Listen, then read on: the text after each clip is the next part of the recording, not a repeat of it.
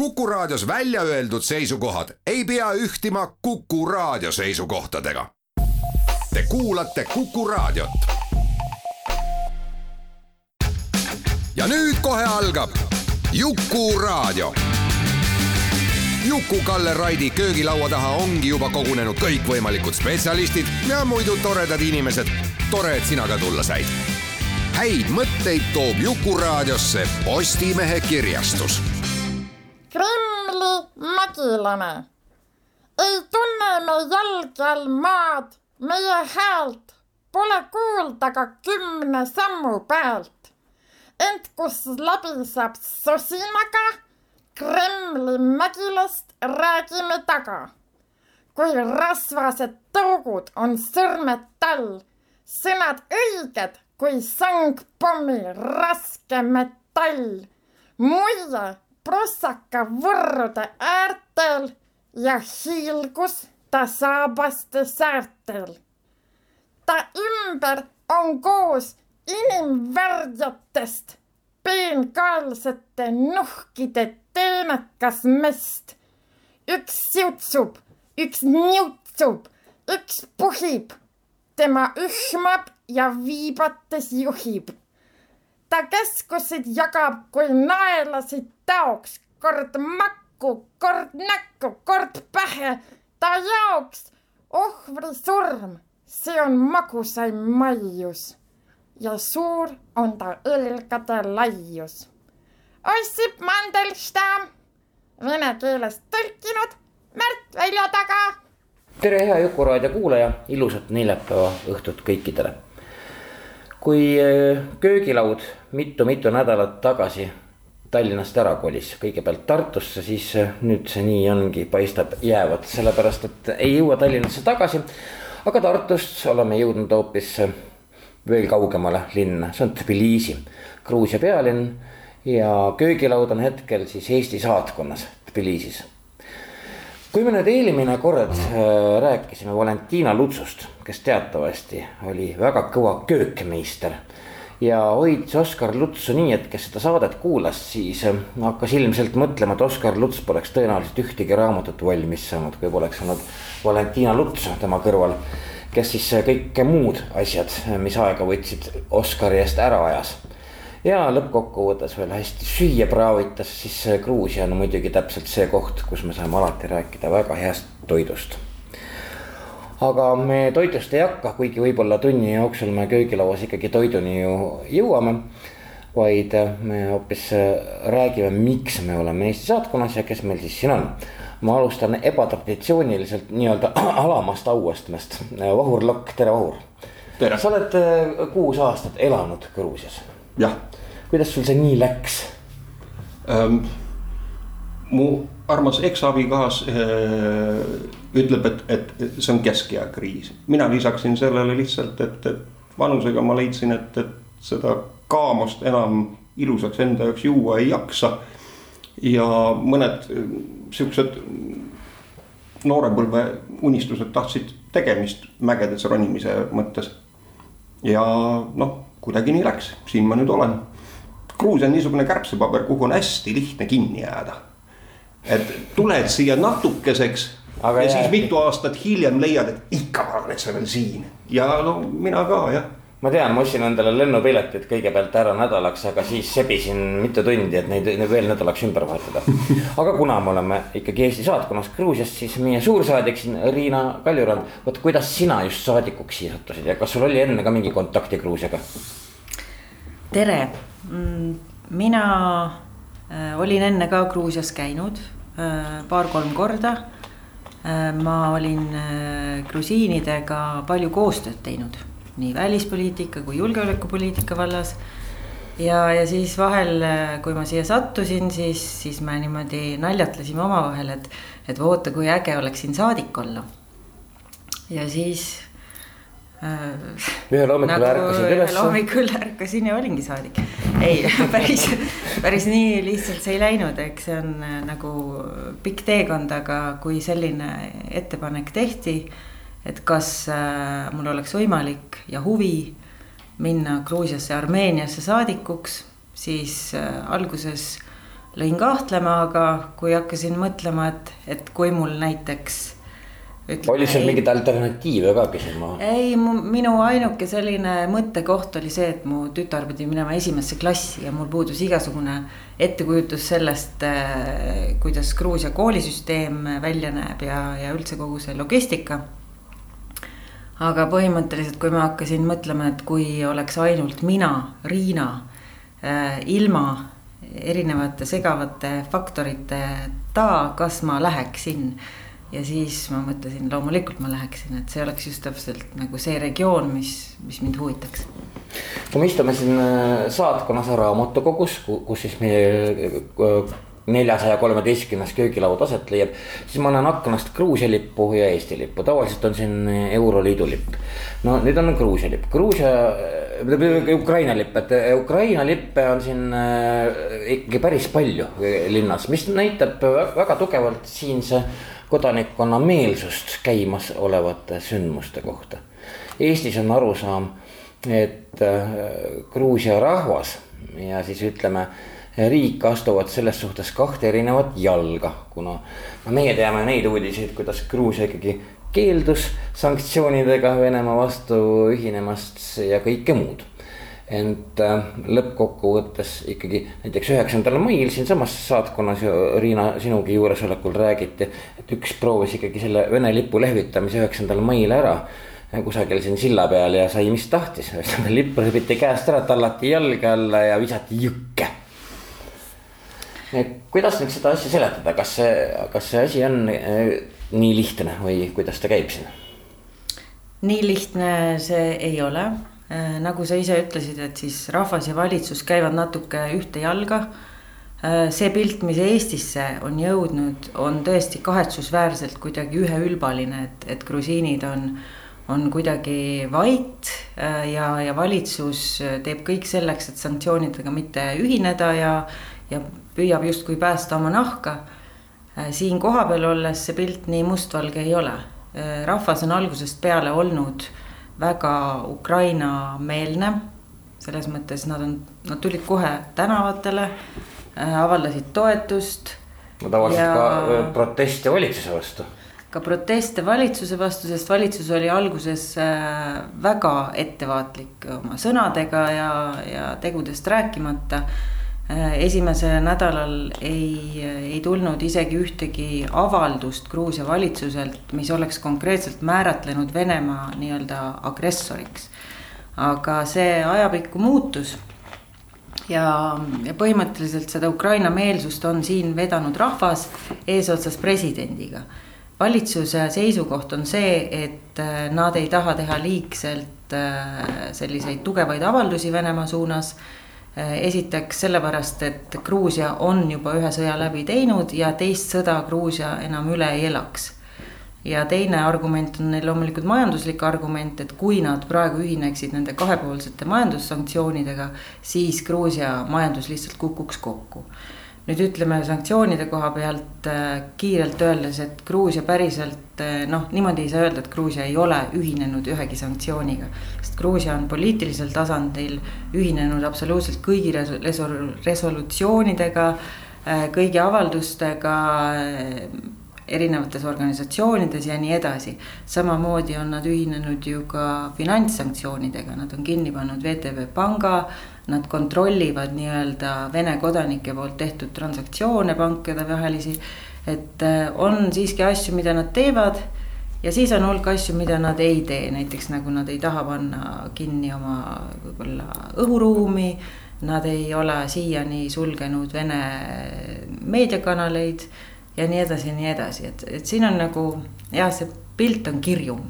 Ja ometigi ma, nagu me kõik äh, teame, mõnes mõttes suure kurbusega Eestis ei saa enam Boršomi vett osta. jah, siin veel saab, aga ma ei tea, kui kauaks seda jätkub, sest praegu vist äh, pandi tootmine kinni. tootmine on kinni ja streik käib seal praegu mm. -hmm ja see oligi sellepärast just, ma sain aru, et Borjomi mm, pandi sellepärast kinni just nimelt tänu äh,. omanikud on venelased. omanikud on, ei seda, seda küll, et, et aga tänu sellele, et, et kuna nende äri euroliidu riikidega läks nahka ja ta oli ju kõige suurem mineraalvee, Kaukaasia mineraalvee eksportija, eks ole -hmm.. okei okay Vahur, Riina rääkis poliitilisest vaatevinklist, millega, mida siis Gruusia teeb, mida mitte. sina kui poliitikasse mitte puutuv tüüp, kuidas sul need asjad siin tunduvad? Minu jaoks on äh, hästi iseloomulik kõigepealt see sihukene väikene keeleline nüanss tänapäeval äh, nooremad grusiinid ise räägivad, et meil on nüüd siin grusinebi ja kartvelebi äh,. Venemaal elab kaheksasada tuhat grusiini umbes, mis on väga märkimisväärne osa rahvuskehast. ja nende inimeste meelsus ei ole sugugi mitte nii üheselt võetav ja neid äh, Vene toetajaid, ütleme nii, olen ma ka siin tänavatel kohanud ja.... no meil on eestlaste seas samamoodi. oo oh, jaa, seda küll, äh, et äh,, et äh, muidugi suurem osa Gruusia grusiinidest, kartvelitest, nagu mulle meeldiks öelda, on väga selgelt äh, Ukraina-meelsed, aga nad kardavad, eriti vanem, vanem põlvkond, kes on see, ütleme, niisugune üheksakümnendate põlvkond, nad kardavad päriselt ka. ma olen selles suhtes Vahuriga täiesti ja. nõus, et hirm ja. on see, mis, äh, mis iseloomustab tegelikult seda õhustikku siin praegu. kui palju see äh, Gruusia poliitika on muutunud, sellepärast kui me nüüd tuletame meelde sedasama kahe tuhande kaheksandat aastat, no siis oli ju äh, riigi eesotsas küllaltki hasartne Saakašvili kes istub, kes istub teatavasti praegu kinnimajas. ja kelle noh, aeg-ajalt siis, kui me kõnnime mööda, mööda peatänavat, Rustaveeli tänavat, siis ka mitu korda olen näinud mingeid miitinguid, noh et, et, et, et Saakašvili tuleks lahti lasta. võib-olla oleks see käitumine teistsugune, sest et Saakašvili oli tõesti selline emotsionaalne inimene, ma mäletan, kuidas ta tele-eetris kord lipsu näris isegi. et kui palju sellest ajast on siis muutunud, kas tõesti see sõda muutis selle või siis on, siin on oluline ka, et, et kes istuvad ladvikus parasjagu. sest kui Saakašvili maha võeti, Ivanišvili väga meeldis algul inimestele, see läks päris kiiresti üle. tea, kas ta kiiresti läks üle, aga. ei läinud kiiresti et, et see no kaks tuhat kaheksa, ütleme, kui, kui võtta tänast poliitilist debatti või kogu seda polariseeritust, siis, siis mida heidetakse Saakašvilile ette äh, nii äh, nii-öelda tema enda toetajate poolt võib-olla kui ka tema vastaste poolt, et, et kakskümmend protsenti andis ära justkui. Äh, et kakskümmend protsenti Gruusia territooriumist on okupeeritud ja see on tänu sellele, et Saakašvili ise ei suutnud vastu pidada sellele tohutule pingele, kui, kui konflikt oli haripunktis ja ta tegi selle esimese sammu. et Venemaa provotseeris, provotseeris ja justkui tema tegi selle esimese sammu ja lasi selle esimese lasu. Ja, ja näiteks kui Ukrainas sõda algas, siis mida siin inimesed väga palju näiteks Zelenski kiituseks välja tõid, oli just see, et et tal on selline strateegiline kannatus, et vaata, ta, ta ootas ära, kuni, kuni Venemaa ise tegi selle esimese sammu. ja, ja see on nagu väga suur vahe. Äh, Saakašvili ähm, no tegi palju väga häid asju, algatas väga palju häid reforme. Lõpuks ilmselt äh, muutus ise oma äh, edu ohvriks ja, ja hakkas seda kurjasti ära kasutama, mis, mis tekitas teatud pahameelt et äh, tema selline arrogantne käitumine, ütleme tema valitsuse viimastel aastatel ja selline on, on inimestel väga selgelt meeles. ja siis otsiti alternatiivi ja, ja see Ivanišvili ja, ja Georgian Dream või Gruusia unistus mm. oli siis see nii-öelda alternatiiv, mis leiti. Ja sellest ajast saa-, peale on Gruusia unistusel lihtsalt õnnestunud äh, saada ükskõik siis noh, ütleme, võib siin küsimuse alla seada nende valimiste legitiimsuse nagu igal hetkel, aga fakt on see, et, et nad on võitnud need valimised nüüd kolmandat korda järjest. ja, ja ühiskond, ma arvan, et kuna puudub selline alternatiiv, kes oleks veenev, kes pakuks päriselt läbimõeldud alternatiivi siis inimesed mingisuguse stabiilsuse ja, ja sellise ma ei, ma ei oska öelda, hingerahu otsingul endiselt ilmselt väga suuresti valivad just Gruusia unistust. Siin praegu kusjuures äh, Gruusia positsiooni minu meelest mõjutab ka see, et, et äh, Ivanišvili tuli ju võimule sisuliselt ühe programmiga. meie oleme mitte Saakašvili. jah, täpselt nii Äh, oligi, ja- ma mäletan, ma ja- ise vaatlesin sinu valimisi ja, ja, ja slogan oli no Saakašvili, that's it. ja, ja, ja muud plaani neil ei ole. pluss äh, selles seltskonnas on väga äh, suur osa inimesi, kellel on mingisugune isiklik vaen tema suhtes. ja isiklikud suhted siin on väga olulised. Mistõttu näiteks, mida kuskil ei ole öeldud, aga olgem ausad äh,, Ukraina suhtes äh, äh, kehtestati eelmisel aastal pärast Saakašvili tulekut mitteametlikud sanktsioonid mida ei ole kuskil propageeritud. aga need mehed olid nii solvunud ukrainlaste peale, et Poti sadamas äh, Gruusia või need Ukraina autosid enam läbi ei lastud või õigemini need võeti praktiliselt pulkadeks lahti, mul proua on, proua on logistik, ta teab, tema, Äh. tema autod seisid seal samamoodi. me peame siin korraks meelde tuletama, et see kõik oli siis seetõttu, et Saakašvili suutis Odessas ka kubernerina töötada ja et üritada seal teha sedasama, mida ta siis nagu tegi Gruusias. Erik, elik siis reforme ja, ja ütleme altkäemaks vaba ühiskonda, et, et, et ja siis grusiinidele see ei meeldinud. Nemad tahtsid ju, et, et Ukraina Saakašvili viivitamatult neile tagasi annaks, nad saaksid temale kohut mõista ei, nad ei tahtnud teda üldse tagasi. Ei, selles mõttes tagasi jättes, paneme su vangi, tule siia, onju, aga siis, aga tema oli hoopis, toimetas Odessas poliitikuna täiesti rahulikult. see oli ilmselt ka seotud selle viisiga, kuidas Saakašvili siia tagasi tuli, sest väga Jah. palju, see oli just see nii-öelda enne eelmise sügise kohalikke valimisi, kui, kui siis see laev randus ja sealt sõitis välja üks, üks köögivilja transportiv suur kaubik, kuhu siis oli äh, nii-öelda pugenud sisse ka kolmas Gruusia president. Saakašvili oli kaalikate all põhimõtteliselt. vot tuligi kaubikuga, ma ei teadnud seda üldse. jah, ja, ja see oli nagu sellepärast, Vahur viitas sellele, et praegu võetakse kõik kaubaautod äh, pulkadeks lahti, sest äh, kuna ta. äkki oli- tuleb veel mõni äkki Saakašvili. tuleb veel mõni Saakašvili, just. ja, ja tal ja, õnnestus. ja, ja see, see solvumine äh, määrab minu meelest praegu ka paljuski Gruusia pol- poliitikat. Nad on endiselt Ukraina, Ukraina peale kohutavalt solvunud. Nad lihtsalt, Isiklikult. nad arvavad, et ukrainlased olid sellest teadlikud, et Jah. ei olnud võimalik, et Ukraina sellest ei teadnud, et Saakašvili smuugeldab ennast illegaalselt Gruusiasse tagasi. kas see nii oli või, või mitte, seda me keegi ei tea, aga muidugi üks, üks äh, teema veel Ukraina-Gruusia suhete. see on ka see, et paljud Saakašvili nii-öelda äh, lähikondsed ja, ja need, kes töötasid temaga tihedalt koos Ukrainas, nõustavad praegu äh, siis Ukraina president Zelenskit. et see teatav meelsus, nii-öelda Gruusia valitsuse okay. vastasus tuleneb ka sealt Mm -hmm. Äh, et äh, Nad arvavad, et Saakašvili meeskond, Ukraina meeskond on Zelenski noh. jah, aga on ka päris no., päris mitmed jah. see on ikka päris lapsik, vabandage väga.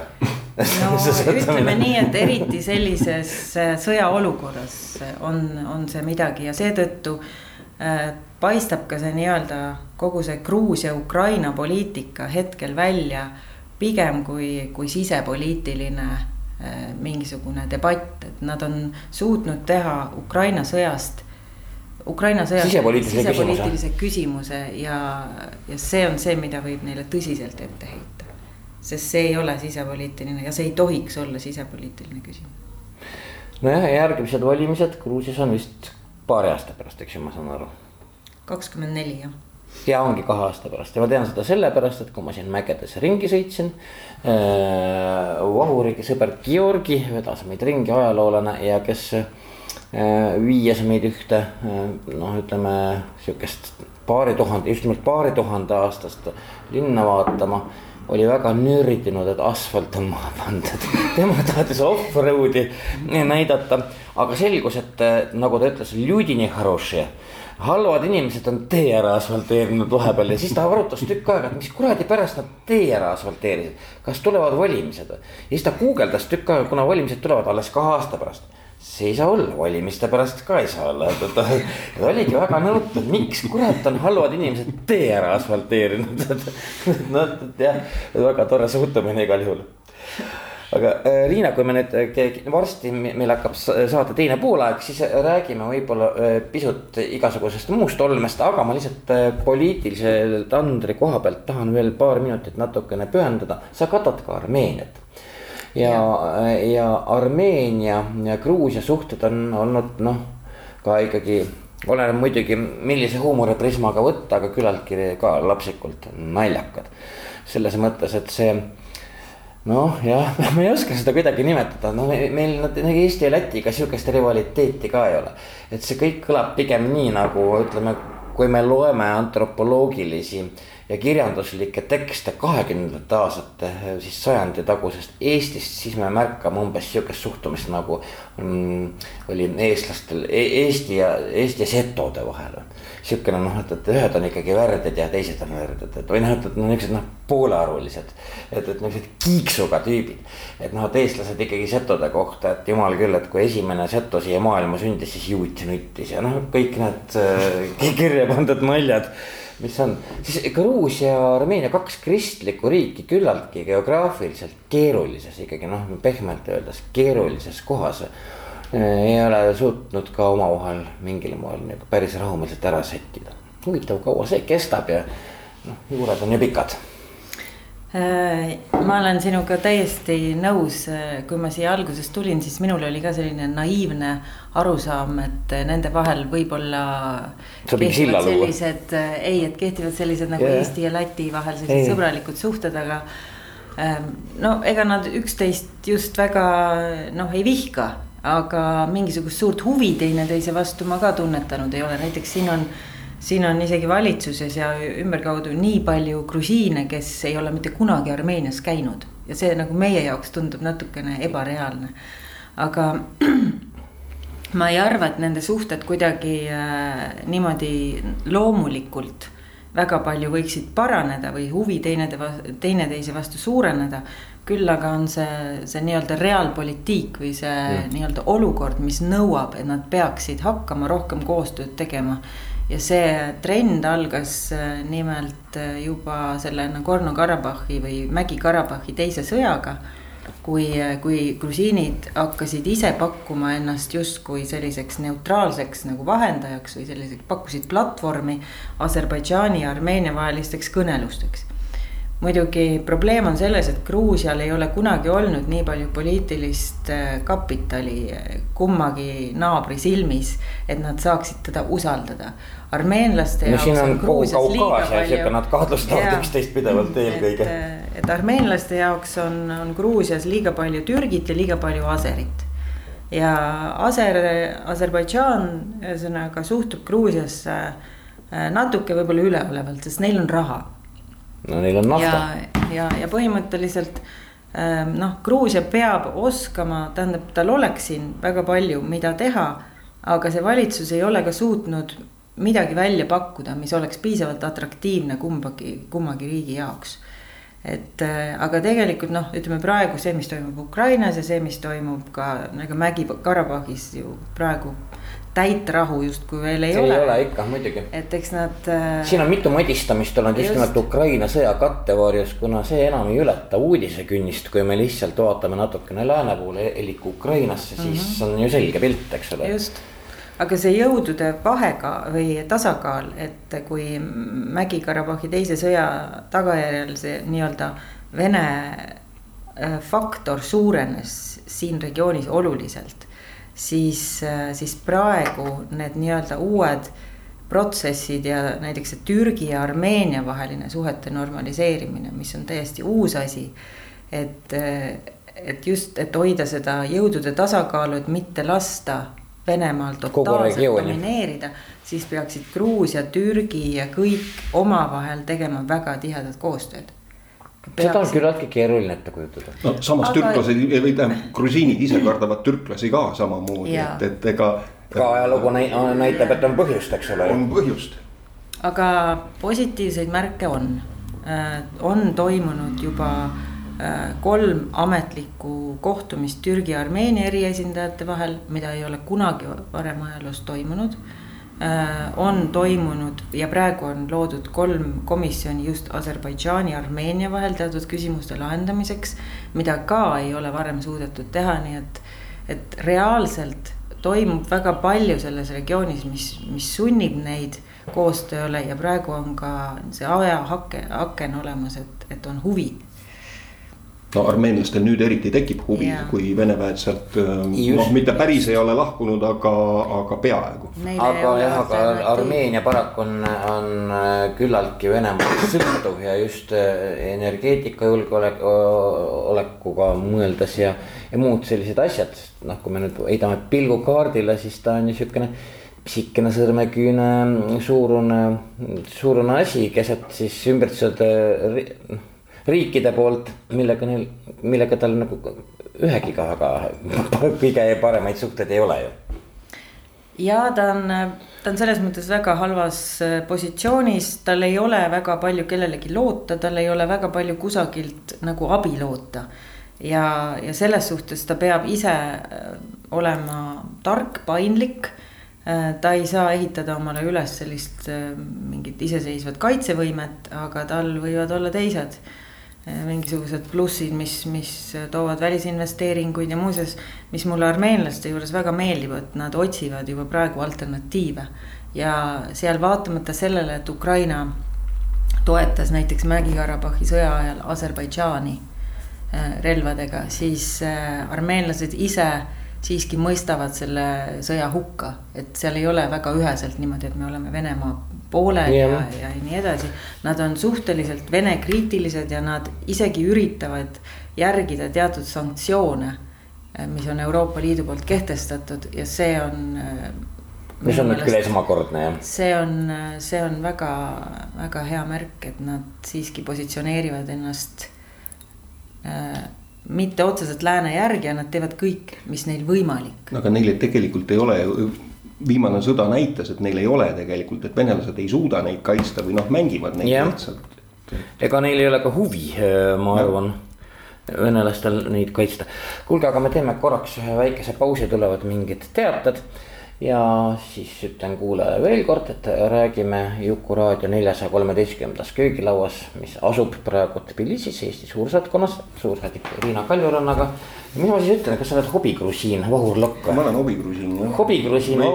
mind võib kliimapagulaseks ka kutsuda. kliimapagulane vahurlokk. kliima kes... ei ole siin viimasel ajal üldse nii kiita. no. kui ma vaatan praegu aknast välja ja siis siin on soe ja mõnus, ma olen maikaga käin hoovis ja Eestis me seda veel endale lubada ei saa paraku.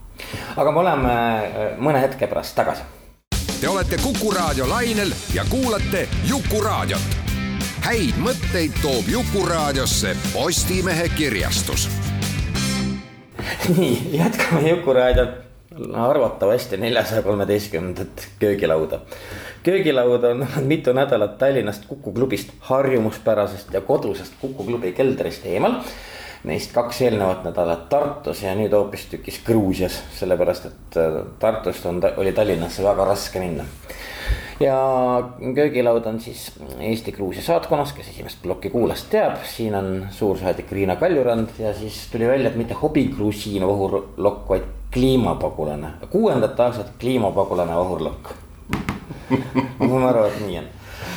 Kes eelmist plokki kuulas, siis me keskendusime ütleme Kaukaasia ja Ukraina sellistele no ühendavatele niitidele ja neile niitidele, mis võiksid seda ühendada, seda teemat, aga ei ühenda. mul tuli ja lõpuks jõudsime muidugi ka Armeenia, Gruusia selliste iseäralike suhete juurde, sest Riina Kaljurand katab suursaadikuna ju ka Armeeniat, mitte ainult eh, Gruusiat mul tuli üks asi meelde küll, kuidas grusiinid no armeenlastesse teatud üleolekuga suhtuvad, et me ei saa tõesti võtta seda, et see on niisugune väike kuuevarbaliste aasimine nagu on Eesti ja Läti vahel, et sellel asjal on tugevad juured, ehkki Toomas Tiivel, kes oli kunagi suursaadik, Eesti suursaadik Lätis. ja kui mina temalt intervjuus küsisin, et kuule, Toomas, räägi, kas see vastab tõele, et lätlastel on kuus varvast, siis ütles Tiivel, ei vasta, ma olen seal töötanud Neil on viis nagu kõikidel inimestel, aga kolm on ees ja kaks on taga. Vot niimoodi ütles, niimoodi ütles bioloog Toomas Tiivel, keda võib alati uskuda, kuna ta on bioloog aga siin on need suhted jah tõsisemad kui see niisugune anekdootlik aasimine ja mul tuligi meelde ükskord, kui me siin Tõnise mäega istusime. Mm, siis ma pidin mingit toosti ütlema grusiinidele, tegin sellise lihtsalt huvitava inimkatse. Võtsin toosti ja ütlesin grusiinidele siis, et teil on tõesti väga hea vein, peaaegu sama hea vein kui Armeenias. See oli päris lõbu. ei, ei olnud, mitte peksa ei saanud, ma olin, olin valmis jooksu panema küll. Ja noh, et, et aga noh, me olimegi kallid külalised ja siis iga ringiga ütlesin mingi sarnase toosti, siis üks toost oli, et te olete väga külalislahke, et siukseid teisi kui grusiinid maailmas ei olegi. Muidugi armeenlased on teist veel külalislahkemad noh, et, et noh, ja siis no, mingil hetkel närisid läbi, et tegemist on mingi teatud laadi haige huumoriga ja noh, siis, siis läks nagu viha üle. aga see oli ilmselgelt näha, et sihukene võrdlus ei, ei meeldinud, ikka üldse ei meeldinud et seda ilmselt sa, Riina, oled märganud ka et.... Oh, ma olen seda palju märganud, sest ma olen käinud seal äh, nüüd viimasel ajal mitmed korrad ka oma Gruusia kolleegidega koos. Ja, ja see on tõesti nii, et kui sa, ma ei julgegi enam midagi kiita Armeenia puhul, isegi kui vahel tahaks. Gruusia kolleegid saavad vihaseks. et äh, tahaks väga öelda, et äh, isegi kui teed on viletsamas olukorras kui Gruusias, siis Armeenias kasutatakse sagedamini näiteks suunatulesid. Äh, sõidetakse üldiselt ridade vahel, mitte ridade peal. ja, ja isegi vahel, kui, kui lased kedagi ette, siis tänatakse äh, sind äh, no, kuidagi, et noh yeah., sellised asjad, aga, aga see muidugi on, on viga, iga kord, kui ma seda teen, siis tuleb pikk loeng, kuidas ma ei saa aru, et siin ei ole ju absoluutselt mitte mingisugust vahet ja ja, ja ma olen ka märganud, et kui ma mõnele grusiinil äh, või ütleme oma Gruusia kolleegile ütlen, et, et äh, näed, et, et see asi on siin äh, väga hästi tehtud, et, et me võiksime selle siit üle võtta. Siis kolleeg läheb totaalselt näost ära. no lihtsalt see, see ei sobi siia pilti. et ei, ma arvan, et meil ei ole siit midagi õppida et ma ei tea, kust see tuleb. et äh, mina võin vabalt näiteks kiita Riia linna, ma võin vahel olla ka kade asjade peale, mida lätlased teevad paremini, aga, aga jah kuidagi siin on teisiti. siin on see väga teisiti ja ega siis see pole grusiinide poolt armeenlaste pihta vaid, vaid see on ka vastupidi, täiesti vastupidi ja ja ühte asja, mida ma olen tähele pannud ja ma nüüd räägin üldiselt, siin on palju erandeid, aga selline üldine pilt kipub olema, et kuna. Kaukaasia rahvad üldiselt omaenda maa geograafiat ja ajalugu väga hästi ei tunne, et meil on siin mingeid erandeid. siis ka Armeenia giidid on ju need tegelased, ma spetsiaalselt viisin kaks oma sõpra Armeenias, et näidata neile giidi, kes räägib täie tõsidusega Äh, kirikust, äh, kasutades sihukest epiteeti, aga see siin, mida te vasakul näete, see on maailma suurim kirik väikeste kirikute seas vot nii ja see see ei ole mingi anekdoot, ongi noh, et, et see, see on üldiselt valdav. ja siis, kui sa küsid, aga millal see ehitati, siis tuleb sulle vastus, et kaua, väga kaua aega tagasi, no nii kaua, et kõik see oli kõik peab praktiliselt kõige esimene. no nagu kõik teisedki kirikud siin Armeenias. ja enam-vähem sihukest asja võid sa ka kuulata Gruusias. no ja kui sa lähed sinna kiriku juurde ja vaatad siis seda tahvlikest, mis on sinna ikkagi riputatud, siis sa saad aru, et ohoo, kuueteistkümnes sajand. mis on tegelikult siis äh, muude mm, ütleme ehitiste ja mõististe kõrval ikkagi absoluutne poisike, see võiks Eestis vana olla. aga noh, ikkagi tuleb see epiteet, et kõige vanem, kõige ilusam, kõige suurem. Äh, kogu see asi tuleb ära aga Gruusia poole pealt see ei ole ainult armeenlaste suhtes, mina täheldan grusiinidel, grusiinid on äh, ütleme siis niimoodi kõige väiksem suurrahvas maailmas no,. tähendab, nende, nende suhtumine kõigisse teistesse, kõigisse vähemustesse, kaasa arvatud kartvälivähemustesse, svaanid, megreelid, tuš-, tušid, hevsuurid. samad oma armeenlased, aserid, kes siin on, see on sihukene suurrahvalik suhtumine neisse, natuke see mulle meenutab venelasi tegelikult, kui päris aus olla. muuseas, see on väga hea, et sa mainisid neid Gruusia vähemusi, et me võiksime, ma tahtsin sellele peatuda ja selle võiks korraks ette võtta küll. sest kui me nüüd kujutame jah ette, et on üks jagamatu Gruusia, siis paraku see nii ei ole ja jälle ma pean minema sajand tagasi Eesti ajaloos, kui siis hästi üleolevalt äh, suhtuti tõepoolest näiteks setodesse või võrokestesse, et noh, et, et. Äh, noh, kõik need potisetod ja perekonnanimed äh, mingid ahvid põhimõtteliselt, eks. ja kindlasti varastavad, noh ühesõnaga. ja et, siin on see hästi-hästi, megreelid on kõik jubedad ahveristid ja siuksed äriinimesed, neid ei saa mitte kunagi usaldada ja svaanid, noh svaanid, see on üleüldse omaette teema ja et, et need on mingisugused. Need on ju metslased. Need on täielikud metslased. Need on metslased jah. ja noh, ja sealt läheb ainult edasi see. mäletan isegi kadunud geograaf Ardo Aasmäe kasutas iga kord, kui ta nägi midagi ülijaburat, siis ta hüüatas, aga kahe, kahe käega peast kinni haarates selle lause. Ei noh svaneet ja looma, loomavabadus, svaneet ja loomavabadus kuidas sulle see, Riina, sulle äh, tundub see, ütleme see kokku, tegelikult tükkidest kokku õmmeldud äh, Gruusia, sest siin on läbi poliitilise ja ka poliitika vaba ajaloo on olnud ka eraldumiskatseid tegelikult noh, Atšaariad ja nii edasi, nii edasi, et kes on täiesti tõsiselt heietanud mõtet, et tõmbavad nii-öelda ühtse Gruusia et mingi eesriide ja, ja nii on. no aga kes on olnud tugevamad, need tõmbasidki välja. No, ja Abhaasia ja, ja. noh, muidugi Lõuna-Osseetia teatud naaberriigi abiga, aga, aga aga sellegipoolest see Noa-Džaaria on ju ka praegu autonoomne, kuigi ta on hästi keskselt juhitud, et ega neil liiga palju seda seda autonoomiat ja vabadust ei ole, aga selline noh, tugev koha identiteet on küll olemas, ma olen märganud, ütleme võib-olla minu töös. ma ei puutu sellega niivõrd palju kokku, et need regioonide eripärad ei, ei tule välja, sest ma ju töötan põhiliselt nagu keskvalitsuse suunal ja, ja me käime küll palju regioonides ringi.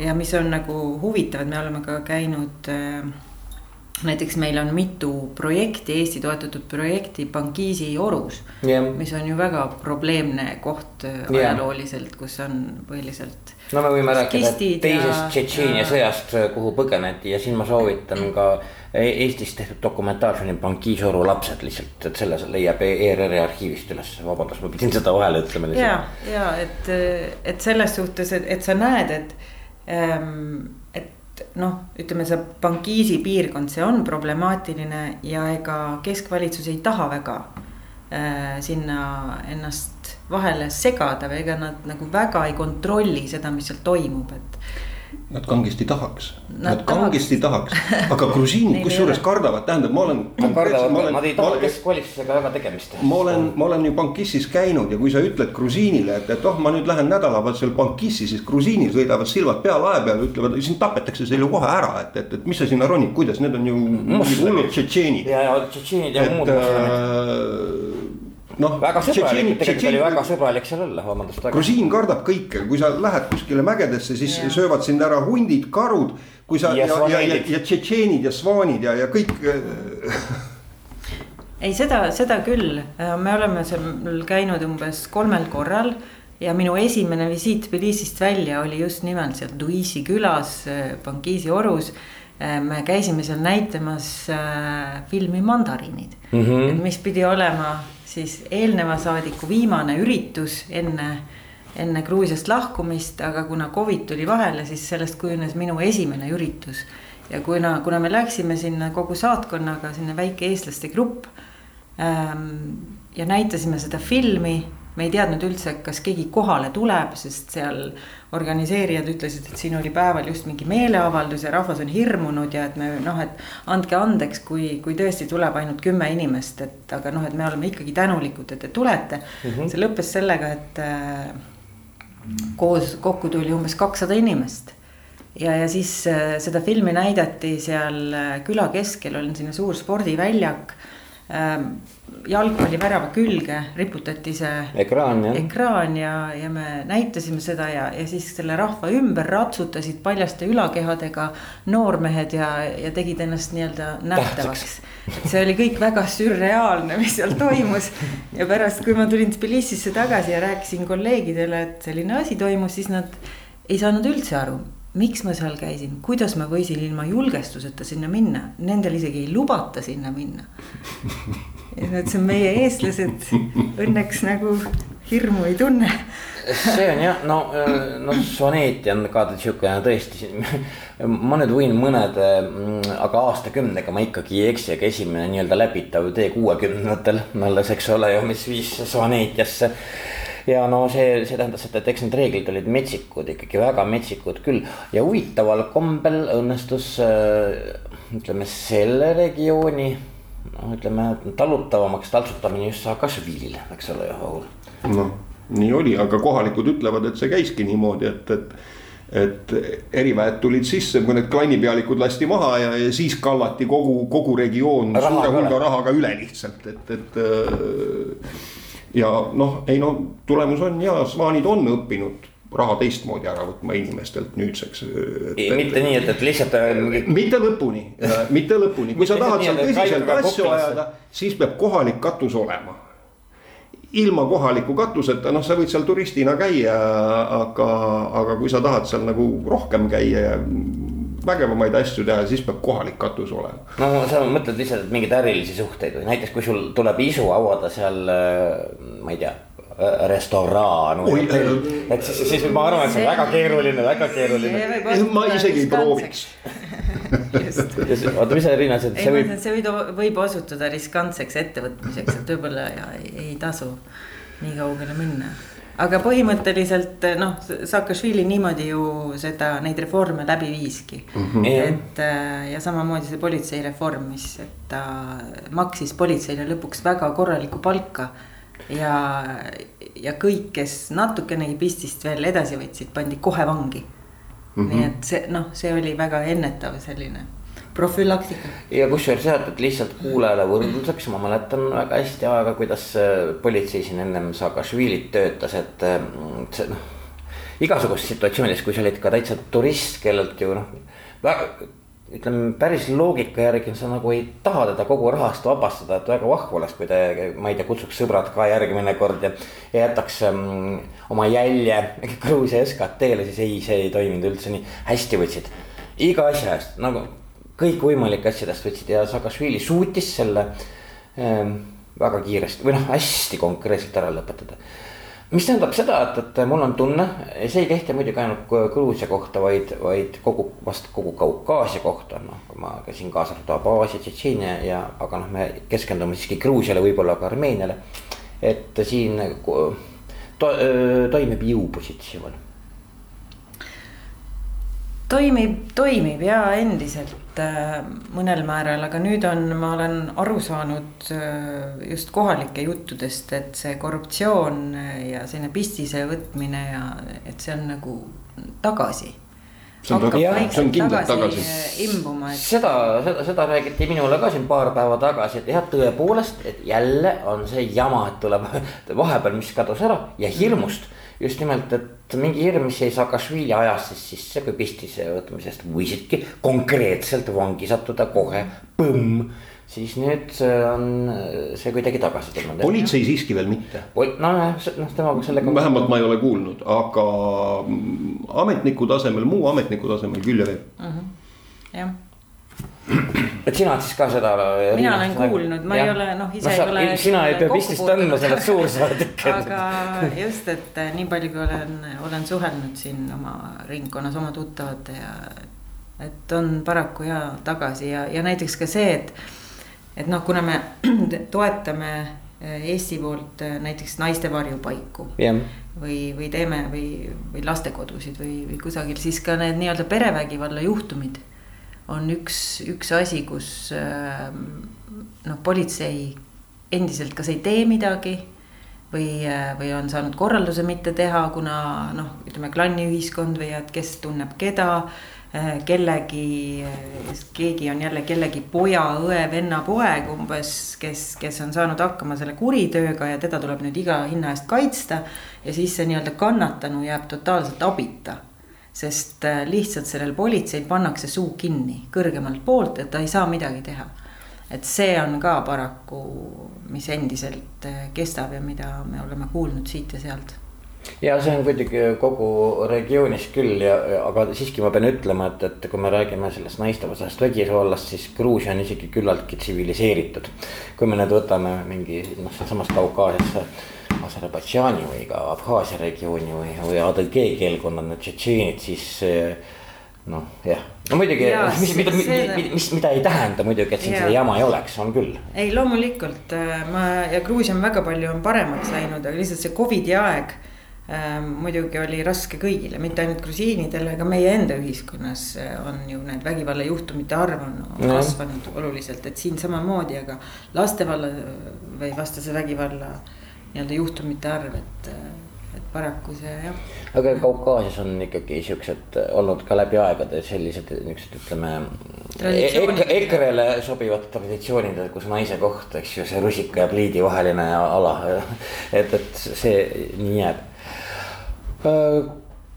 Riina, kui ma räägin sinuga, noh, Gruusia on muidugi äärmiselt ilus ja äärmiselt eri, eripalgelise loodusega, noh, et sa ise oled käinud, noh, Vahur, sina ju ronid pidevalt mööda mägesid ja mööda muistis ringi just, et kuidas sinul, kas sul selleks aega jääb?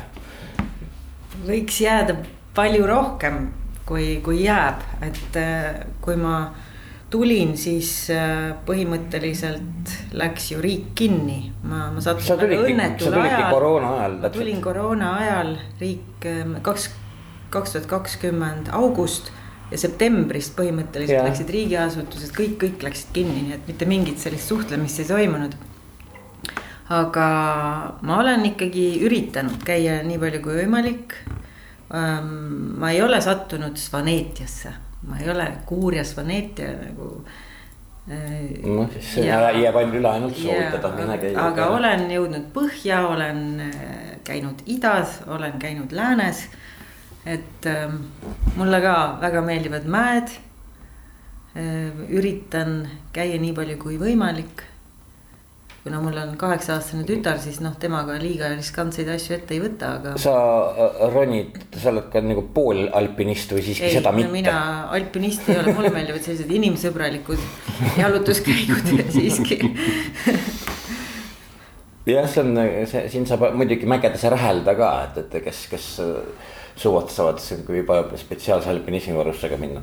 sinule ilmselt meeldivad Vahur natukene raskemad jalutuskäigud kui Riinale, mitte nii inimsõbralikud. ei, nii ja naa tegelikult äh, niisuguseid, ma põhiliselt ikkagi tegelen matkamisega, jah, ma olen nagu päris alpinismi ja kaljuronimist ka siin teinud.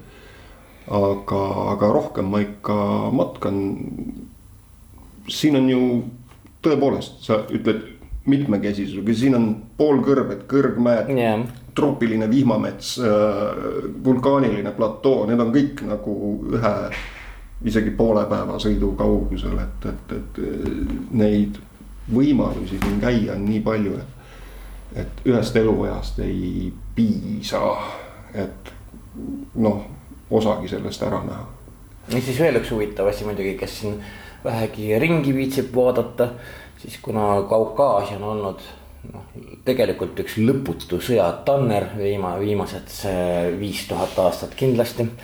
siis on siin ju hästi palju vanu kindlusi ja loomulikult varakristlikke kirikuid aga neid on nagu lausa nii palju, et kui ma käisin eh, ka sinu sõbra Georgiga ringi ja küsisin, mis on selle nimi või mis on selle nimi, siis isegi Georgi, kes on väga hea giid, kehitas absoluutselt õlgu eh,. pani taskusse oma suitsukoni, mõtles, ütles, kurat, aga neil ei ole nime, mis sa küsid kogu aeg mu käest.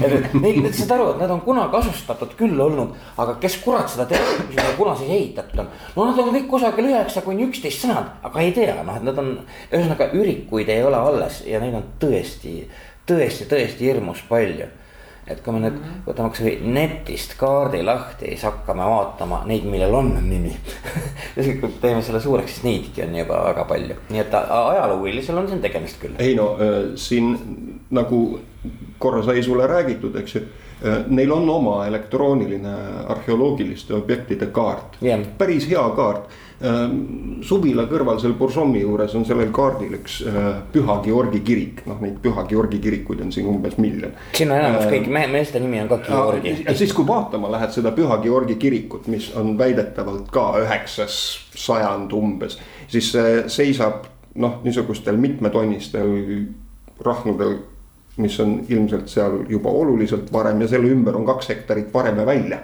Ehk et äh, nad ise ka ei tea, mida kõike neil on, aga see on maa, mille ajalugu algab Dvanissi inimesest, eks ole, et yeah., et äh, esimene, esimene nagu inimese eellane väljaspool Aafrikat üleüldse, et ja see on aukartust äratav sõna otseses mõttes kui hakata süüvima sellesse tegelikult, millise maa peal sa kõnnid ja mis siin kõik selle maa all on. sel, siin on see, see arheoloogiline sügavus on nii suur, et see on, on kujuteldav. peale selle grusiinid on väga kindlad, et just nemad leiutasid veini. armeenlased on ka selles väga kindlad, nii et see mulle just lihtsalt meenus, et, et, et see on veel üks kaklemise põhjus. ja kuigi ma just käisin äh, Armeenias selles Koopas, kus väidetavalt on see esimene savinõu, kus siis seda esimest veini tehti. see leiti küllaltki äsja ja, ja selle vanuseks on kolm tuhat viissada kuni neli tuhat aastat. Äh, ja grusiinid väidavad, et nemad leidsid nüüd mingid tõendid, mis näitavad kümme tuhat aastat, nii et ma ei hakanud seda armeenlastele ütlema. see on natukene nagu Putin sukeldub Musta merre ja toob välja muistis sellest ajastust, mis parasjagu vaja on, põhiline, et naabrist parem olla. ei tea, mu äh, keeleteadlastest sõbrad ütlevad, et vähemalt Äh, sõna, mida me kasutame, on ikka kartulikeeltest. sa ei saagi teistmoodi öelda, sa oled kliimapagulane Gruusias, Vahur. Ähm, noh, jah, olgu kiitab ära. kuulge, aga meie neljasaja kolmeteistkümnes köögilaud äh, on läbi, see toimus siis Tbilisis, Eesti saatkonnas. ja me rääkisime siis Gruusiast, natukene ka muudest ümbritsevatest riikidest koos suursaadikuga, aitäh, Riina Kaljurand sulle et sa viitsisid, et sa viitsisid köögilaua saatkonda sisse lasta. seljas, mul oli see seljas, kui ma tulin. ja aitäh sulle, Vahur Lokk, kes sa ennast siin siinseks kliimapagulaseks nimetad. et olge mõnusad ja peagi on siis neljasaja neljateistkümnes köögilaud ka tulekul. suur aitäh teile veel kord. Kremli mägilane. ei tunne me jalge all maad, meie häält pole kuulda ka kümne sammu pealt ent kus läbi saab sosinaga Kremli mägilast räägime taga. kui rasvased tõugud on sõrmed tal, sõnad õiged kui sangpommi raske metall. muie prossaka võrrude äärtel ja hiilgus ta saabaste säärtel.